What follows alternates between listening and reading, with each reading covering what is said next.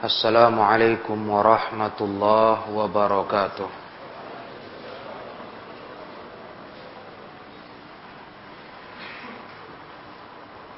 Innal hamdalillah nahmaduhu wa nasta'inuhu wa nastaghfiruh. Wa min shururi anfusina wa min sayyiati a'malina.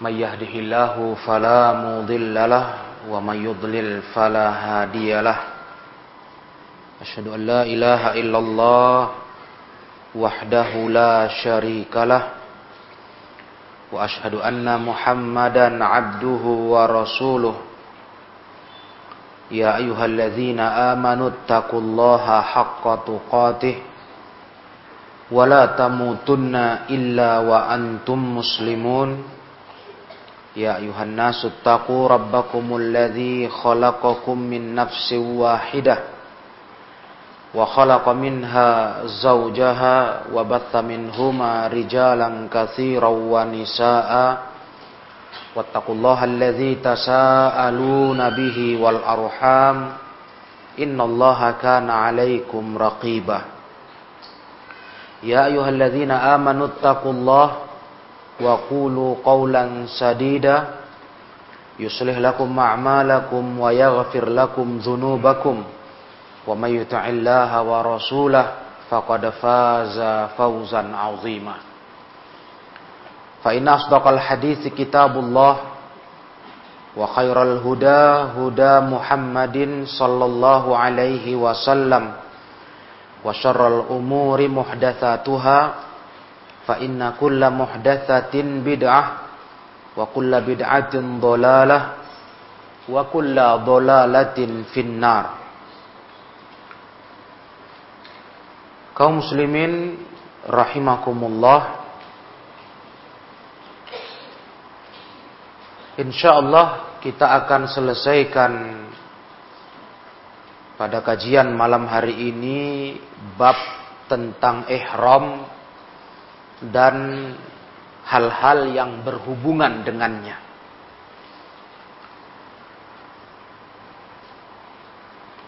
Ada sisa tiga hadis dalam bab ihram ini. Insya Allah malam ini akan kita selesaikan. Dan kita masih membicarakan terkait dengan tanah haram.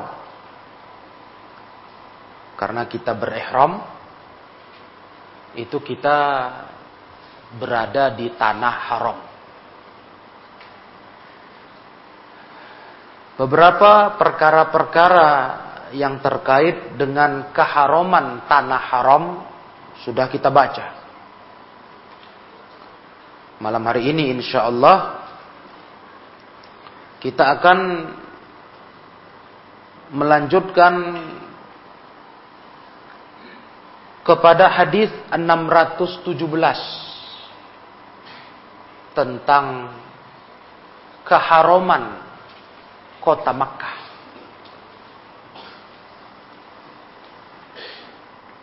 Wa an Abi Hurairah radhiyallahu anhu qala dari sahabat Abu Hurairah semoga Allah meridai beliau beliau berkata Lamma fatahallahu ta'ala ala rasulih sallallahu alaihi wasallam Makkah Ketika Allah Ta'ala membukakan kemenangan atas Rasulnya kota Mekah. Mekah tunduk. Yang lebih kita kenal dengan Fathu Makkah. Ketika itu qama Rasulullah sallallahu alaihi wasallam finnas. Rasulullah tegak di hadapan manusia. Rasulullah menyampaikan khutbah. Fahamidallahu atna alaih. Rasul memulai dengan memuji Allah, menyanjung Allah sebagai muqaddimah khutbah. Kemudian Rasul berkata, Inna Allah habasa an Makkata al-fila. Sesungguhnya Allah telah mencegah kota Mekah dari kerusakan tentara bergajah. Yang kita kenal dalam surah Al-Quran. Bagaimana tentara Al-Fil dengan pemimpinnya Abraha ingin menghancurkan Mekah. Allah jaga kota Mekah, kata Rasul. Dari tentara bergajah itu. Wasallatu alaiha rasulahu wal mu'minin. Dan Allah jadikan Rasulnya dan orang-orang beriman yang berkuasa di kota Mekah saat ini. Saat beliau menundukkan kota Mekah. Wa innaha lam tahilla li ahadin kana qabli. Dan sungguh kota Mekah ini tidak pernah dihalalkan untuk seorang pun sebelumku. Artinya status kota Mekah adalah status tanah haram. Cuma kali inilah kata Nabi, kota Mekah dihalalkan untukku. Halal dalam hal apa para ikhwah? Dalam hal Rasulullah SAW datang ke kota Mekah melakukan tindakan penaklukan kota Mekah. Dan ini kan tindakan yang sifatnya keras, kasar. Yang semestinya tidak boleh dilakukan atas kota Mekah. Tidak boleh. Itu kota haram, kota suci. Tapi berhubung syariat Allah harus ditundukkan kota Mekah. Dan ini bukti kota Mekah tunduk waktu itu tidak dengan jalur damai. Bukan tapi dengan jalur paksa. Jalur kekuatan bersenjata. Nah, inilah cuma dihalalkan untukku sebelumku tidak ada seorang pun dibolehkan buat ini kata Nabi wasallam. Wa inna ma uhillat li sa'atan min nahar. Ini dihalalkan untukku perbuatan ini cuma beberapa saat saja di waktu siang. Sekejap saja. Perhatikan ikhwah, Rasul sampaikan itu ketika Rasul menaklukkan kota Mekah. Ya, tepatnya para jemaah yang dirahmati Allah tabaraka wa taala Rasul lakukan itu di hari kedua penaklukan kota Mekah. Untuk Rasul beritahu kepada manusia, jangan buat begini lagi ke kota Mekah. Ini kota suci, haram. Ini tanah haram. Rasul khawatir perbuatan Rasul Shallallahu Alaihi Wasallam menundukkan kota Mekah dengan cara keras itu dikesankan nanti sepertinya kota Mekah sudah tidak lagi kota haram. Rasul tidak ingin itu. Maka Rasul pun menyampaikan ceramah ini di hadapan manusia. Ini dihalalkan untukku cuma sesaat saja, kata Nabi. Ya. Bukan sepanjang hari, sesaat saja. Aku diberi Allah izin berbuat ini di tanah haram. Nah, jadi kalau ada orang bertanya, kenapa Rasulullah SAW berbuat sesuatu yang sifatnya keras, kasar di tanah haram, yang mestinya nggak boleh. Nah ini alasannya.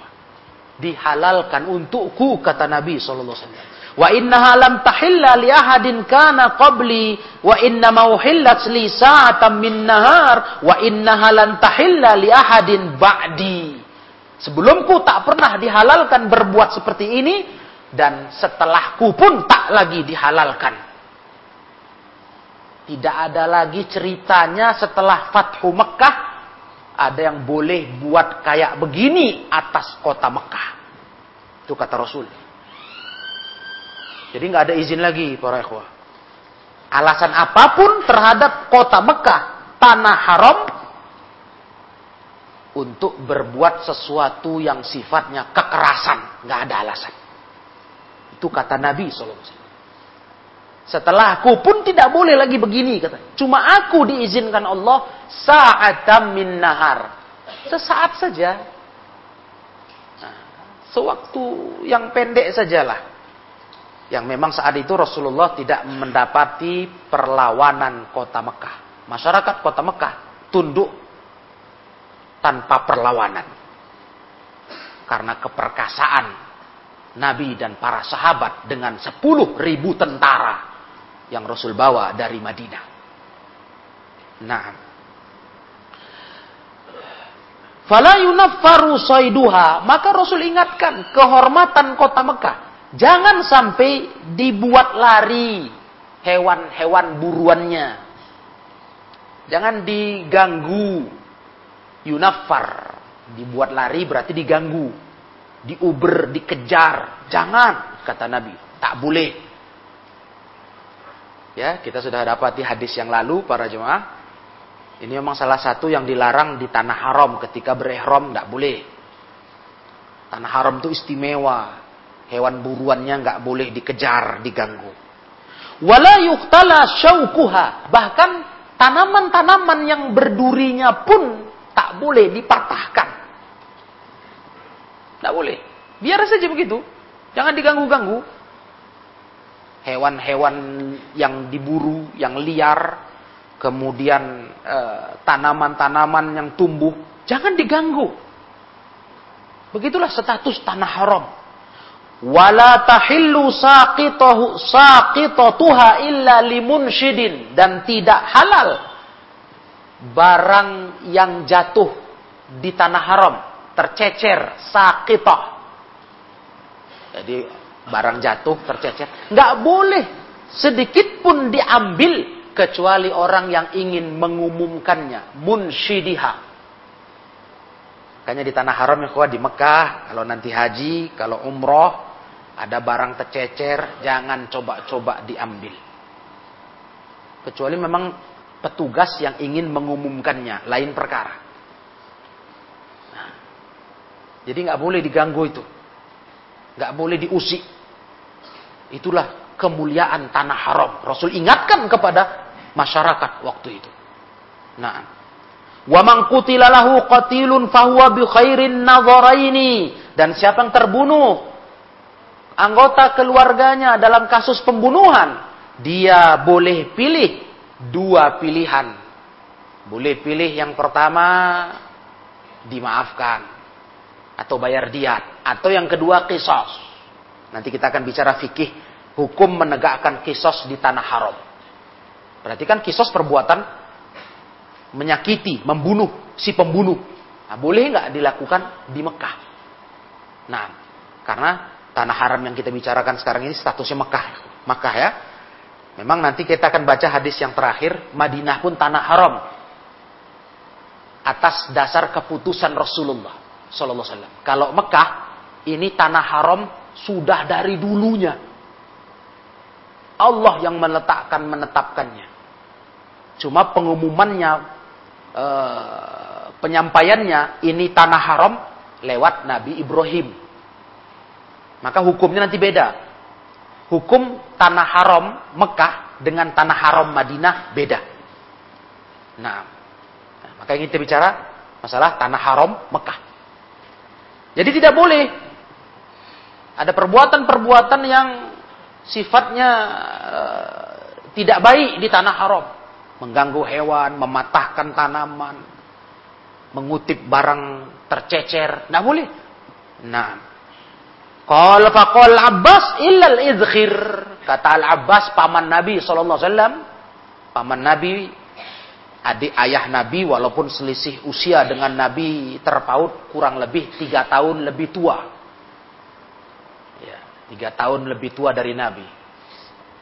Sebayalah gitu kurang lebihnya. Tapi beliau paman Nabi, Al-Abbas. Kata Al-Abbas, ya Rasulullah, kecuali izkhir, rumput izkhir, itu jenis rumput.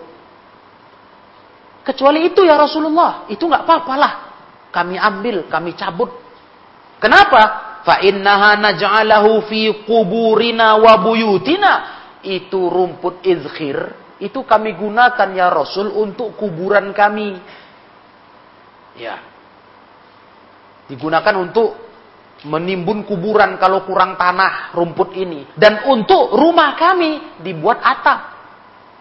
Perlu kami itu ya Rasul. Nggak bisa. Kalau dilarang bagaimana? Al-Abbas radhiyallahu taala anhu minta dispensasi untuk rumput ini karena kebutuhan masyarakat. Maka Nabi pun berkata faqala illal izkhir. Ya kata Nabi, kecuali rumput izkhir boleh. Boleh diputik, boleh dicabut, dipakai. Lainnya tak boleh diganggu, nggak boleh dicabut, nggak boleh dipatahkan, sekalipun itu tanaman berduri. Nah begitu ma'asyiral ikhwah yang dimuliakan Allah hadis riwayat Bukhari Muslim. Maka di sini menguatkan apa yang sudah kita baca di pelajaran yang lalu. Nabi ingin menyampaikan kepada kaum muslimin keagungan Ka'bah Makkah secara umum, secara khusus Ka'bah yang dimuliakan sebagai kiblatnya umat Islam. Nah, maka tak boleh buat dosa di situ, nggak boleh berbuat hal-hal aniaya di situ. Iya. Buat keributan di situ, nggak boleh. Makanya kita mau berangkat haji, mau umroh, kita harus tahu ilmu ini. Ya, kita harus paham. Karena di sana ya, godaan-godaan untuk perbuatan-perbuatan yang terlarang ini ada. Kita bertemu dengan beragam tipe manusia, macam ragam jumpa orang kita di situ. Dari segala negara, nah, segala bangsa. Ya tentunya beda-beda.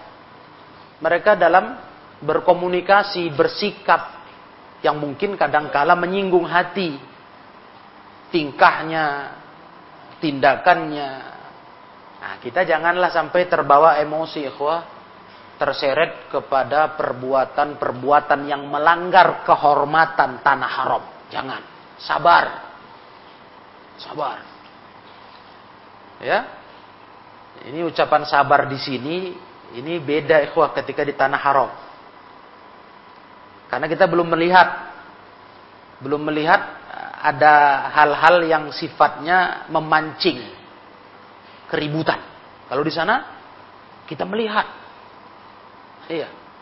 Seperti konflik-konflik kecil, gesekan antar jamaah nampak. Nah ini butuh kesabaran. Ingat, tanah haram. Ingat, kita berihram. Ingat.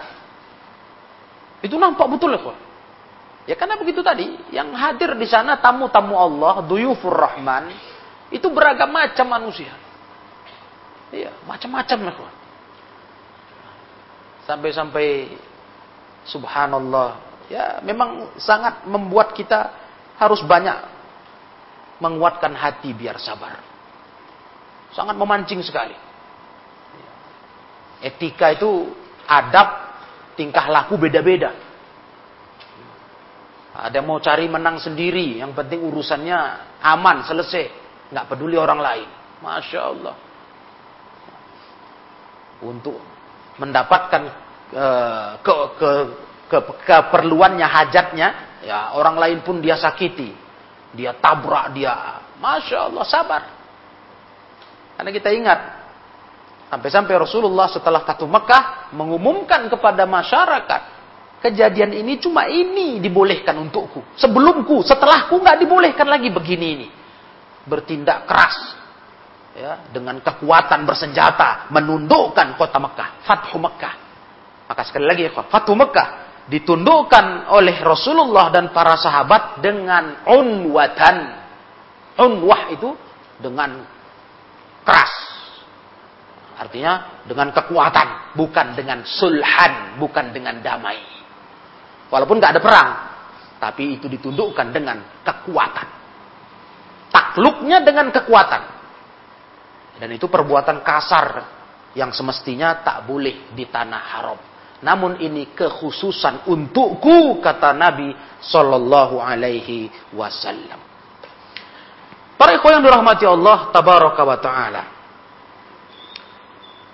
Tadi di dalam hadis kita baca tentang masalah orang yang terbunuh keluarganya di tanah haram itu dia boleh memilih dua dari satu dari dua pilihan. Salah satunya hukum Islam adalah kisos. Nah sekarang apa yang tadi saya sampaikan ke ikhwah? Bagaimana masalah kisos ini? Ini kan menumpahkan darah.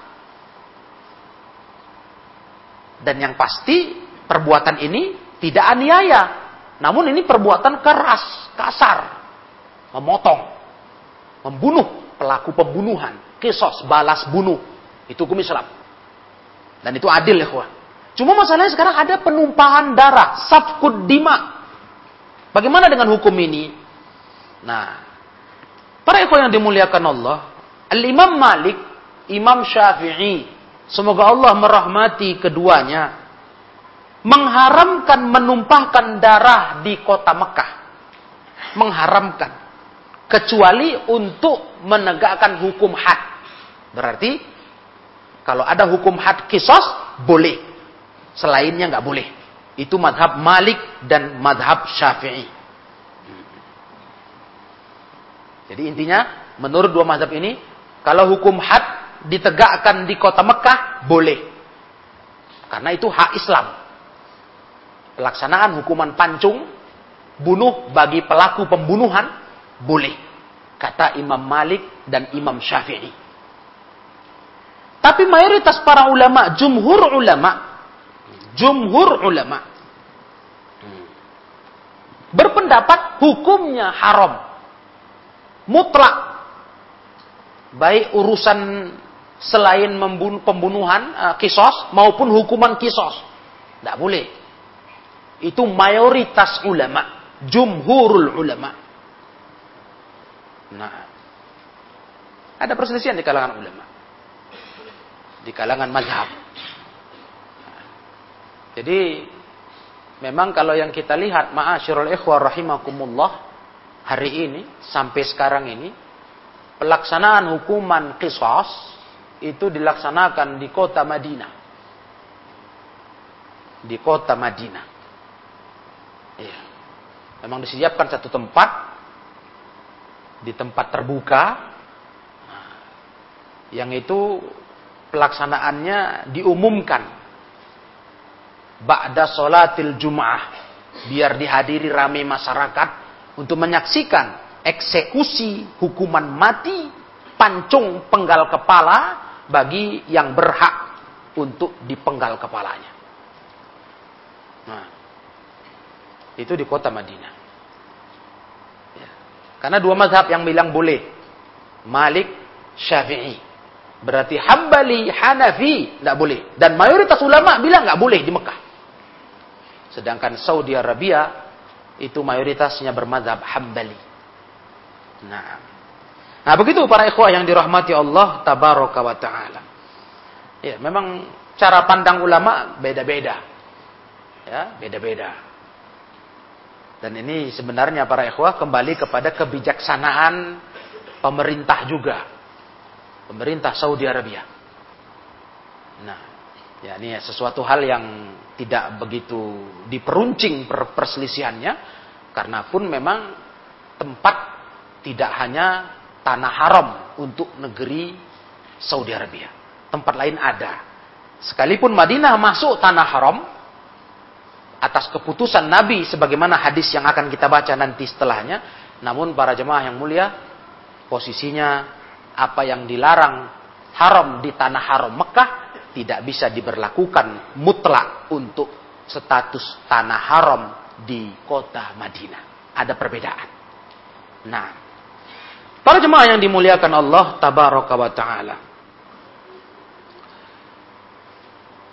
Dikecualikan dari larangan-larangan Nabi tadi yang dinamakan dengan izkhir. Izkhir, ya tadi sudah saya terangkan kepada ikhwah, itu adalah satu jenis rumput. Idkhir. Kalau dulu ada riwayat, pernah saya bacakan kepada ikhwah masalah pengurusan jenazah. Di zaman Nabi SAW, ketika kurang kain kafan, kain kafan pendek, mayatnya panjang.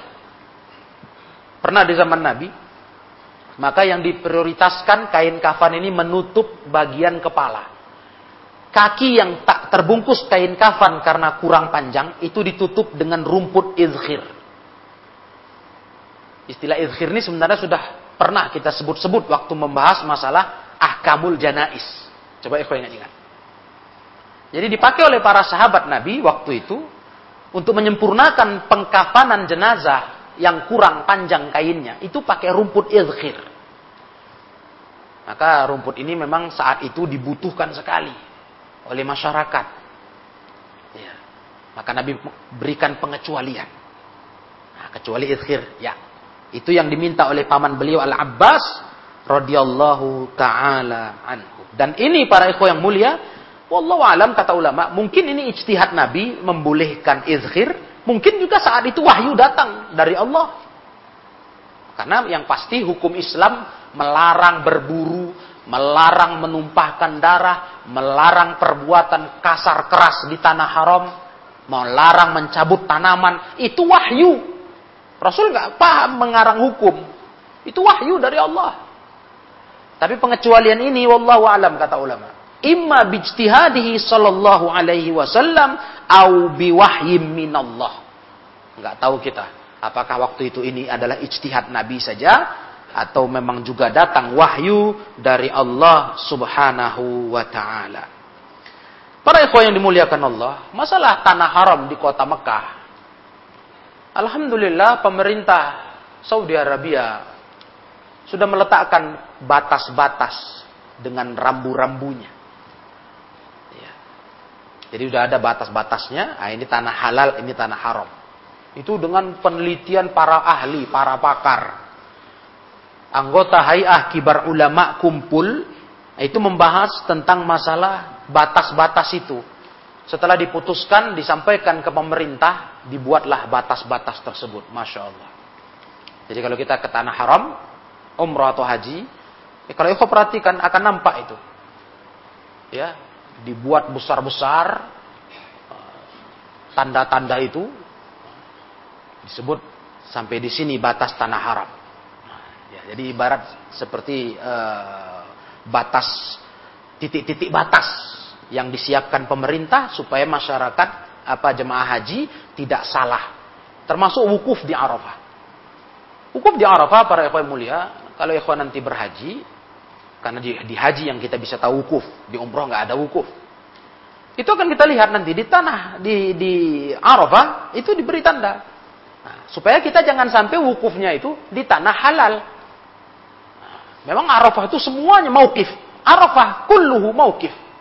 Semua Arafah itu tempat wukuf. Semua, di mana pun kita duduk wukuf. Tapi ingat, jangan lewat batasan tanah haram. Nah, itu pentingnya tahu itu. Dikasih batas oleh pemerintah, diberitahu ah, ini batasannya. Maka seluas itu padang uh, Arafah, jadikanlah tempat wukuf di mana pun kita berwukuf, di situ kita boleh berwukuf.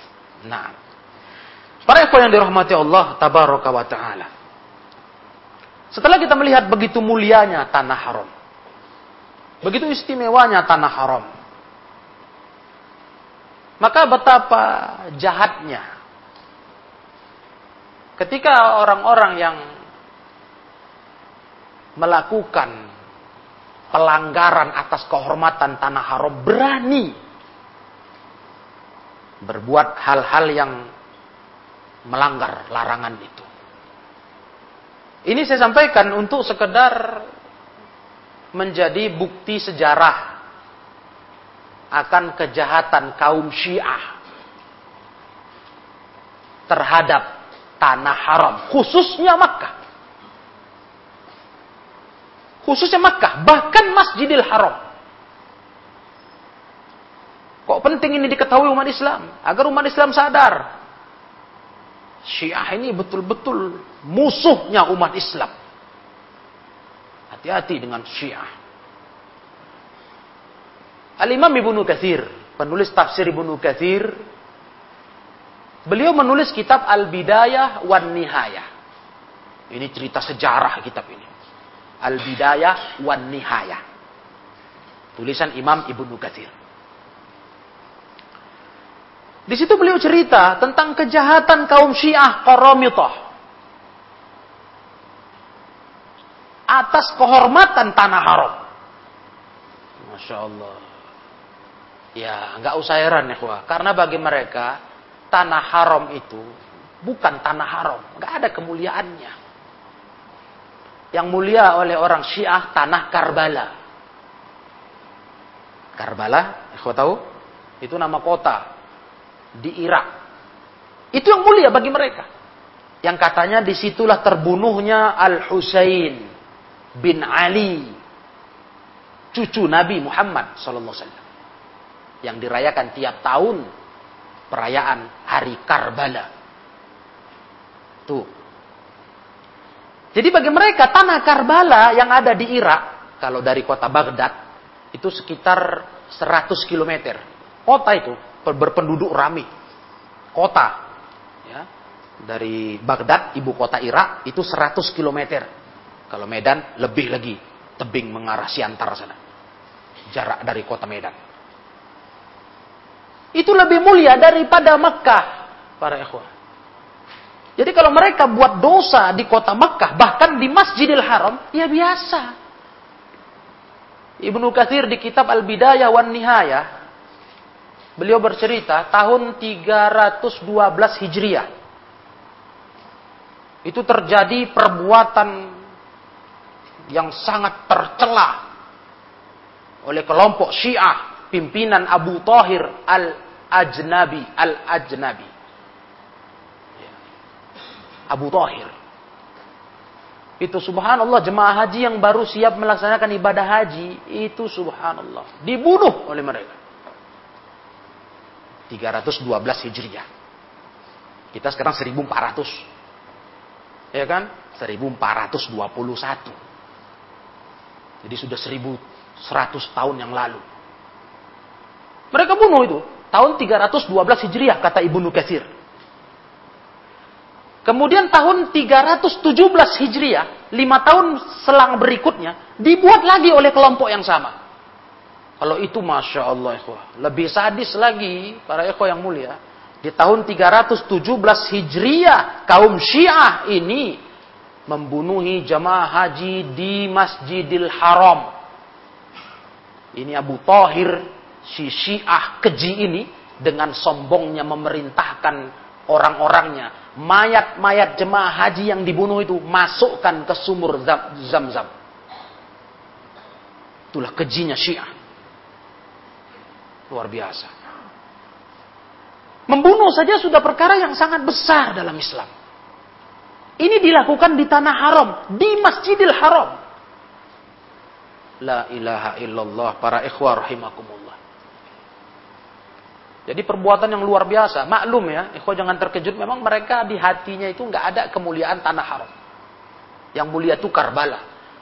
Bahkan di kitabnya Syiah, saya ingat nama kitabnya Al-Furu'ul Kafi. Al-Furu'ul Kafi. Ini kitab beda dengan kitab Ahlu Sunnah. Ikhwah. Kitab Ahlu Sunnah itu bebas dibeli di mana saja ada. Mau Sahih Bukhari, Muslim, semua kitab Kutubu Sittah, Kutubu Tis'ah, kitab-kitab lain bebas. Kalau mereka nggak bisa. Itu khusus. Tersembunyi. Tapi Alhamdulillah saya masuk satu perpustakaan, saya lihat kitab ini, Al-Furu'ul Kafi. Susah ini dapatnya kok, referensi ini. Nah, di situ apa kata Imam Syiah? Sekali ziaratu qabril Husain, sekali engkau ziarah ke kubur Husain di Karbala, ta'dilu ishrina hajjatan. Imbang dengan kau berhaji 20 kali. Gimana? Sekali datang ke kubur Husain di tanah Karbala. Imbang kau haji 20 kali katanya. La ilaha illallah. Makanya dia buat pembunuhan di dalam Masjidil Haram. Tidak ada masalah, nggak ada beban.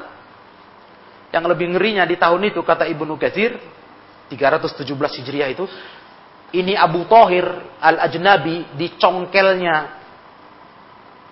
Hajarul Aswad dari tempatnya. Dilarikannya. Dibawanya para baru dipulangkan ke Mekah tahun 339 Hijriah. Berapa itu? Berapa tahun? 22 tahun. Hajarul Aswad tidak berada di Ka'bah.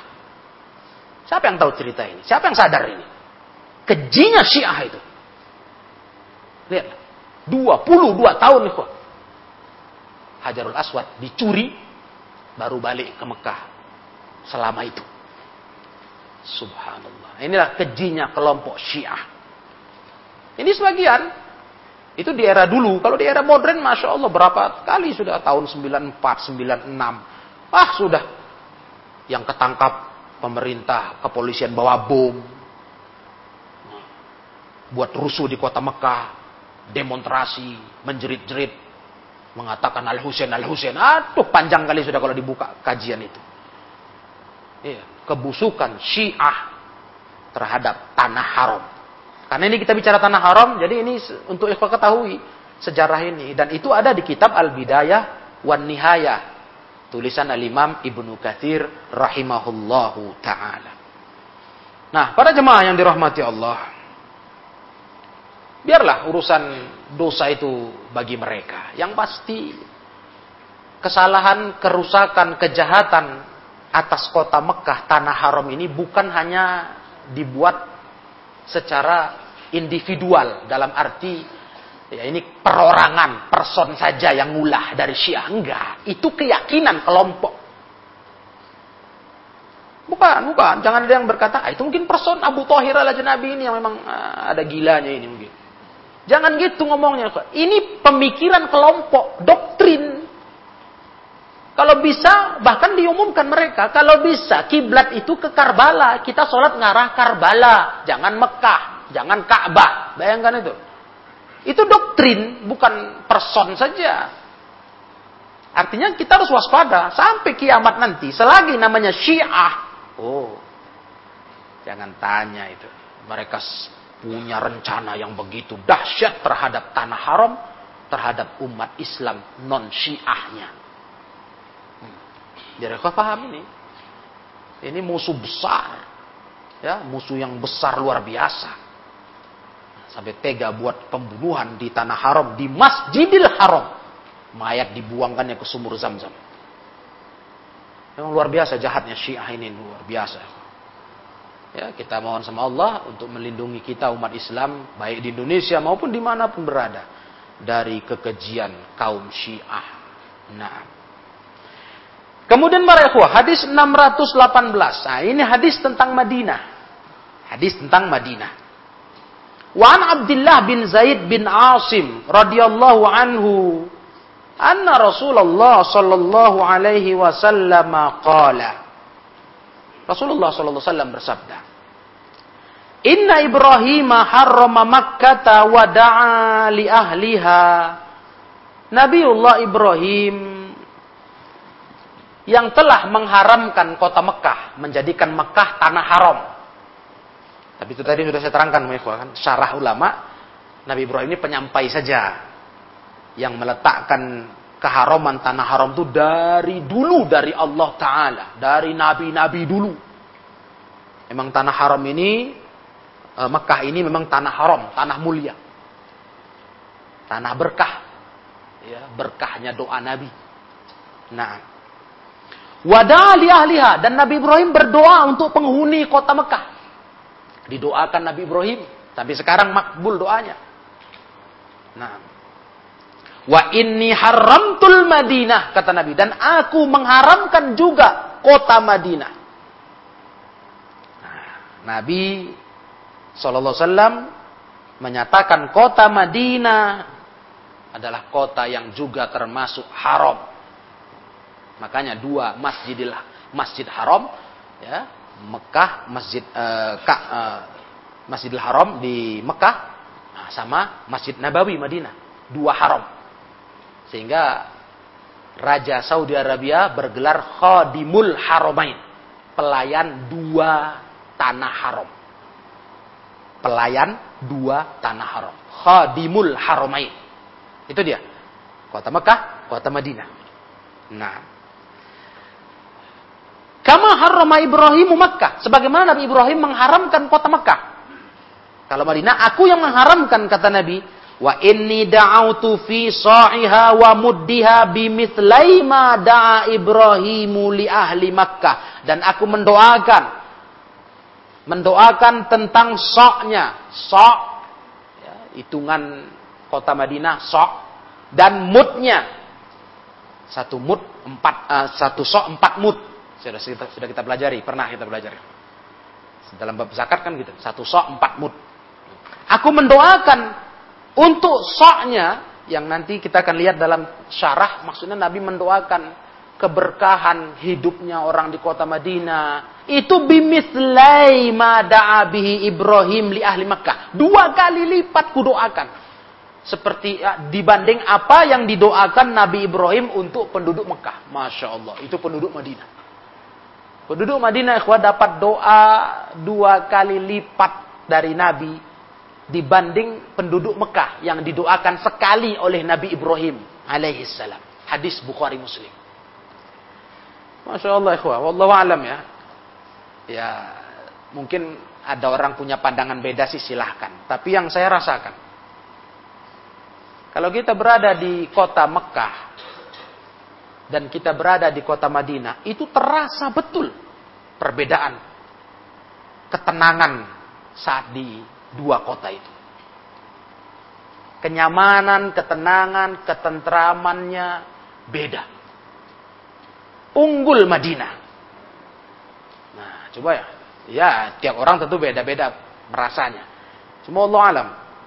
Yang saya rasakan dan sudah saya coba survei tanya kepada beberapa orang-orang yang pernah di sana, ibadah ke sana, betul. Doa doa berkah, doa Nabi wasallam. Ada kenyamanan yang beda, ikhwah ketentraman yang beda dengan kota Madinah. Nah ini hadis Bukhari Muslim. Berkah doa Nabi. Aku doakan untuk kota Madinah itu dua kali lipat dari doa Nabi Ibrahim untuk kota Mekah. Masya Allah. Kalau kita bilang sama-sama dikunjungi oleh jamaah haji dan umroh, ya sama. Sama. Rami, ya sama rami. Iya. Cuman Allah alam. Ada kesejukan, ketentraman. Ada terasa kedamaian lebih. Bukan maknanya di Mekah nggak ada kedamaian, enggak. Itu kota haram. Sama seperti Madinah. Tapi di Madinah, Masya Allah. Wallahu alam. Apakah itu berkah doa Nabi? Wallahu alam. Nah ini para ikhwah yang dirahmati Allah subhanahu wa ta'ala. Dan batas haram tanah haramnya kota Madinah diterangkan di hadis terakhir dalam bab ini, hadis 619, wa an Ali bin Abi Thalib radhiyallahu anhu qala, qala Rasulullah sallallahu alaihi wasallam, kata Rasulullah sallallahu alaihi wasallam, al-Madinatu haramun ma baina airin ila taurin. Itu batasnya. Itu kota Madinah, kota Madinah itu kota haram antara air sampai taur. Air sampai taur. Jadi air para ekor yang mulia itu gunung, satu gunung di kota Madinah. Ya, terkenal para ekor. Nah, masyhur sampai sekarang. Di situ dikenal ada sumurnya Urwah bin Zubair. Bi'ru Urwah bin Zubair. Itu air. Adapun Saur, Saur itu juga gunung kecil yang tepatnya di arah belakangnya Gunung Uhud. Di belakangnya gunung Uhud. Itu Saur. Nah, jadi antara itu dari kota Madinah itu haram. Statusnya tanah haram. Ya, lebih dari batasan itu tanah halal. Sama kayak di Mekah pun begitu. Ada batasan tanah haram, tanah halal. Ada. Yang tadi saya katakan pakai tugu-tugu dibuat pemerintah. Tugunya lebar, dibuat tulisan di situ. Nah, dalam bahasa Arab batas tanah haram. Nah. Nah, jadi begitu para ikhwan yang dirahmati Allah tabaraka wa taala. Memang Gunung Thaur Madinah itu tidak seterkenal Gunung Thaur di Mekah. Karena di Mekah pun ada Gunung Thaur. Tidak terkenal seperti di Mekah. Tapi para ahli sejarah dan pemerintah sudah mematokkan batas itu di baliknya Gunung Uhud itu ada Gunung Thaur Madinah. Nah, dan itulah batas tanah haram kota Madinah. Jadi para ikhwan yang dirahmati Allah tabaraka wa taala. Berarti gunung Uhud itu masuk tanah haram ya. Karena kan gunung Saurnya itu di belakangnya. Jadi gunung Uhud itu masuk dalam batasan tanah haram kota Madinah. Masuk. Dakhilu haramil Madinah. Masuk. Makanya ikhwah di Madinah pun jaga diri.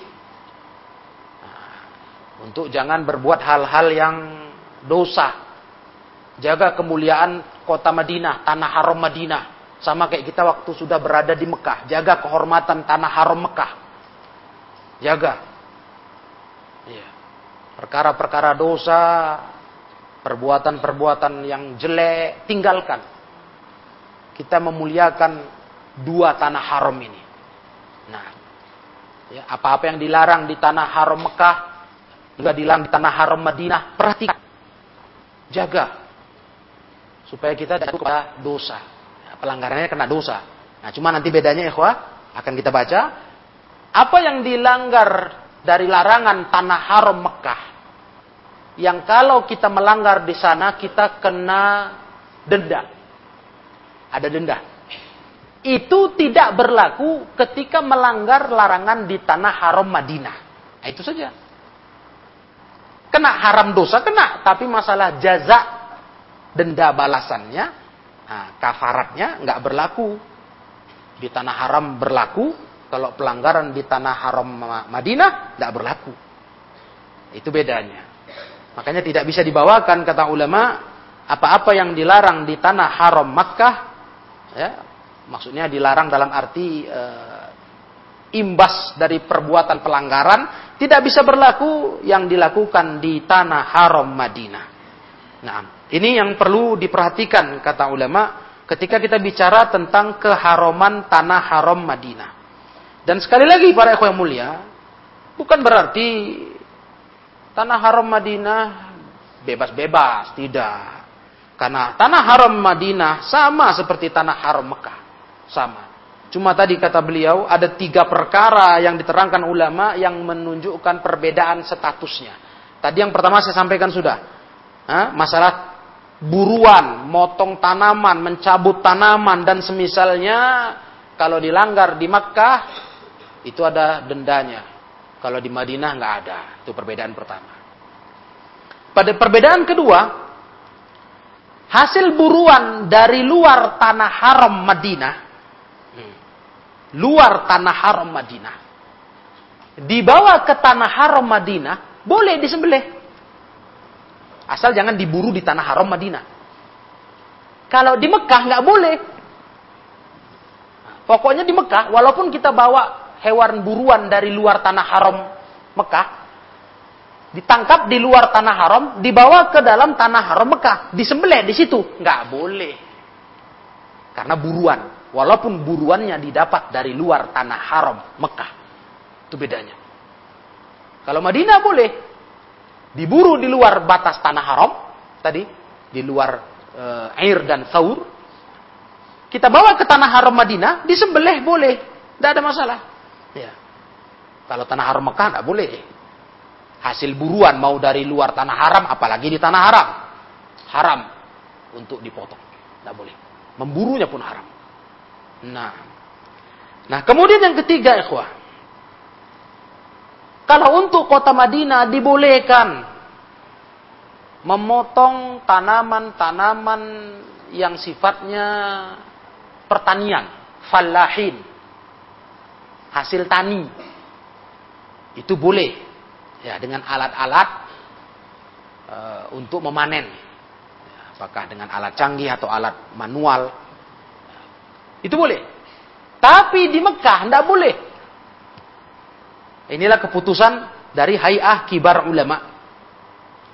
Kalau di Mekah boleh. Kalau di Madinah boleh. Untuk yang dari komoditi pertanian. Nah, untuk dipanen, kan dipotong. Apakah pakai alat canggih, apa pakai alat manual, alat biasa, tradisional? Boleh. Tapi di Makkah tidak boleh. Nah, itulah lebih tingginya status keharuman tanah haram Mekah. Nah, jadi begitu para ikhwah. Cuma masalah dosa ya tetap nggak boleh lah. Nah, Apalagi di tanah haram ya. Kita di tanah halal saja nggak boleh buat dosa. Apalagi di tanah haram, Mekah dan Madinah. Itu adalah dua tanah haram yang harusnya dimuliakan betul-betul oleh umat Islam. Dimuliakan betul-betul. Nah, di sinilah para ikhwah sekali lagi pentingnya ilmu. Pentingnya ilmu. Jangan sampai kita karena kurangnya ilmu, akhirnya kita membuat pelanggaran di dua tanah haram ini. Nauzubillah, apalagi bentuk dosa-dosa yang berat yang sifatnya kabair. Kabair. Saya pernah cerita sama ikhwah masalah bahayanya wanita bersafar walaupun ke tanah suci tanpa mahram. Yang langsung diceritakan oleh seorang syekh ketika saya hadir majelisnya di Masjidil Haram. Bayangkan ikhwah, di tanah haram, di bulan haram. Ya. Seorang wanita berzina dengan seorang laki-laki di tanah haram. Bayangkan itu. Dan mengadu kepada syekh yang cerita ini. Jadi syekh ini bukan cerita dari orang lain. Datang ke beliau mengadu. Subhanallah. Di tanah haram, di Mekah. Hmm. Iya. Sempat dirinci waktu itu oleh syekh. Kenapa kok bisa sampai terjadi dosa besar ini di tanah haram? Itu makanya bahaya. Perempuan-perempuan menjalankan ibadah haji umroh nggak punya mahram. Iya. Jangan dikira perjalanan taat ini aman-aman saja. Mana mula tergoda, awak beri, pergi ibadah kok. Berhaji, berumroh. Aduh, nggak bisa. Soalnya udah kejadian. Langsung minta kepada Syekh solusi. Bagaimana kau mau kubuat ya Syekh? Syekh pun heran. Masya Allah, astagfirullah. Kalian buat dosa itu. Di tanah haram, di Mekah. Nah, apalagi dosa besar seperti itu ya. Sedangkan dosa-dosa kecil pun hati-hati. Ingat, kita sedang berada tegak di tanah haram. Ingat-ingat itu. Kajian ini ingat-ingat ikhwah. Saat ikhwah diberi Allah kesempatan mudah-mudahan menjadi tamu Allah di ke tanah suci. Ingat, artinya jangan hanya keluapan gembira waktu kita bisa datang bertamu ke tanah suci, buat kita lupa ada batasan kita berada di tanah haram. Ada batasan. Jangan lupa itu. Karena orang kadang gembira kan. Gembira. Ini ingat-ingat. Jangan sampai kita lupa diri. Kegembiraan kita yang Masya Allah memang pantaslah dirasa. Bisa kita mengijakkan kaki di kota Nabi. Ya, Nabi Muhammad Wasallam Madinah, kota Nabi. Madinah itu gelarnya kota Nabi. Bisa kita mengijakkan kaki di kota Nabi Ibrahim alaihissalam, Makkah ya, yang dibangun Ka'bah oleh beliau dengan Nabiullah Ismail anaknya. Alhamdulillah. Tapi ingat, kita ke sana ibadah loh, bukan mau wisata biasa, mau jalan-jalan, ibadah.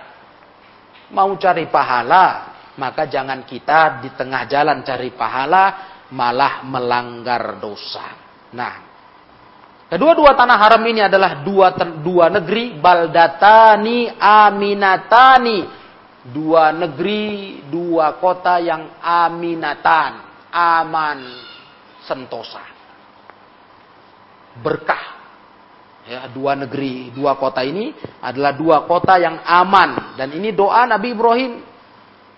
Berkah doa Nabi Ibrahim untuk Mekah dan doa Nabi Muhammad untuk kota Madinah.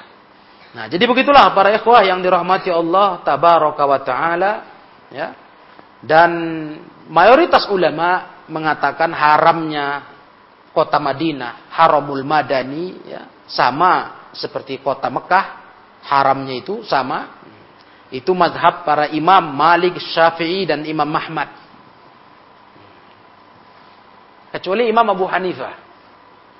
Abu Hanifah berpendapat ya, haramnya kota Mekah itu hanya dari sisi haram berburu, haram motong tanaman itu aja.